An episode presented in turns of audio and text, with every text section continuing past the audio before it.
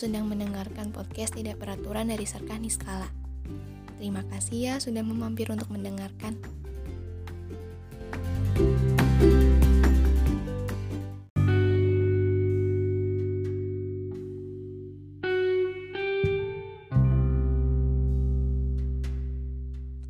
Rasanya asing banget bagi saya buat kembali melanjutkan apa yang udah saya mulai waktu itu. Mm -hmm. Podcast ini maksudnya. Kalau diingat, podcast Taylor itu saya up waktu 19 April dan sekarang ketika tahun 2020 udah ditinggalkan, saya baru ada keinginan buat kembali meraih kalian yang saya coba asingkan sebentar. Karena tahun kemarin kalau boleh jujur adalah refleksi dari ketakutan dan mimpi buruk yang nyata bagi saya. Tahun yang buruk banget tahun keegoisan, ya semacam itu. Bahkan sampai saya nggak tahu bagian menyenangkan mana yang patut saya jadikan alasan buat mengenang karena nyatanya tahun kemarin memang bukan untuk saya kayaknya. Nggak tahu kalau yang lain. Mungkin menyenangkan atau justru kita memiliki nasib yang saling menyalin kesialan sampai-sampai kita sama merasakan tahun yang gak menyenangkan itu. Ah, namanya juga hidup tak, semua pasti mengalami hal buruk itu. Mm-mm, saya juga tahu itu kok. Bahkan sejak TK semua manusia mengerti itu. Tapi biarkan untuk pembukaan tahun ini, saya mau menenggelamkan diri pada luka asing kemarin yang sampai sekarang obatnya belum saya kenal. Bahkan setelah tahun berakhir, Pedihnya masih baik terukir dan masih tersimpan jauh di lubuk. Tentang kehilangan, perpisahan ujung penyesalan yang gak pernah saya sangka bertahun lamanya. Ada masa depan yang berteka-teki, patahnya hati dan runtuhnya kasih sayang, dan masih banyak kekecewaan yang gak bisa saya sebut satu persatu karena saking banyaknya mereka yang ada buat menumbuhkan saya menjadi dewasa meski saya pikir sedikit memaksa ya rasanya. Keras sekali semesta itu kalau saya pikir. Terlepas dari keras atau enggaknya semesta itu, saya pikir seenggaknya kita berhasil menjadi manusia. Paling enggak mendekati manusia deh, biar gak jahat-jahat amat kayak iblis tapi juga gak berkuasa dengan kesempurnaan seperti Tuhan. Tapi mungkin derita adalah jalan dewasa yang terasa salah tapi ternyata sebuah keharusan yang benar.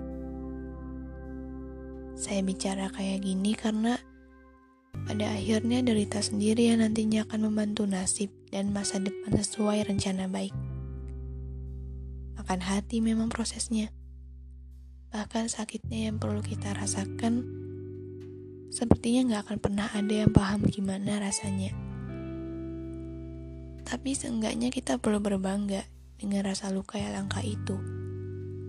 Karena kalau enggak, siapa lagi yang punya luka dengan tusukan dengan sebab yang persis sama? Gak ada. Jujur, selama saya hidup saya gak pernah ngerti gimana rasanya luka orang lain yang Meskipun dia udah menceritakan derita yang amat sangat itu kepada saya, karena saya pikir apa yang dia ucapin itu gak pernah sebanding dengan apa yang dia rasain betul. Karena kata untuk lisan dan kata untuk hati gak pernah sama, jadi saya gak bisa pahami lukanya. Maka dari paham itu kadang saya gak pernah menyukai obrolan tentang perbandingan derita karena ya itu tadi, kata untuk lisan tidak tepat dengan hati. Dia bisa aja bermakna beda, atau nggak pas rasanya yang menjadikan deskripsi luka menjadi hal tawar bagi beberapa manusia. Dan karena luka menjadi hal yang nggak pernah jelas jika dijadikan cerita, maka saatnya hargai luka itu dengan cara mengakui hadirnya. Waktu akan mencari penyembuh dan kita akan dipertemukan dengan obatnya kalau kita udah siap untuk disembuhkan. hal baik pada akhirnya menjadi keinginan banyak manusia kan? Sama halnya dengan luka. Dia nggak jahat kok. Dia cuma ingin kamu nggak hanya mengenal senang sedang ada Lara sebagai pendampingnya. Dia hanya ingin kamu terbiasa dengan hadirnya sampai kamu nggak perlu meniadakan dirimu karenanya. Gak apa-apa sedih. Bahkan kalau perlu habiskan air matamu kalau masih ada waktu.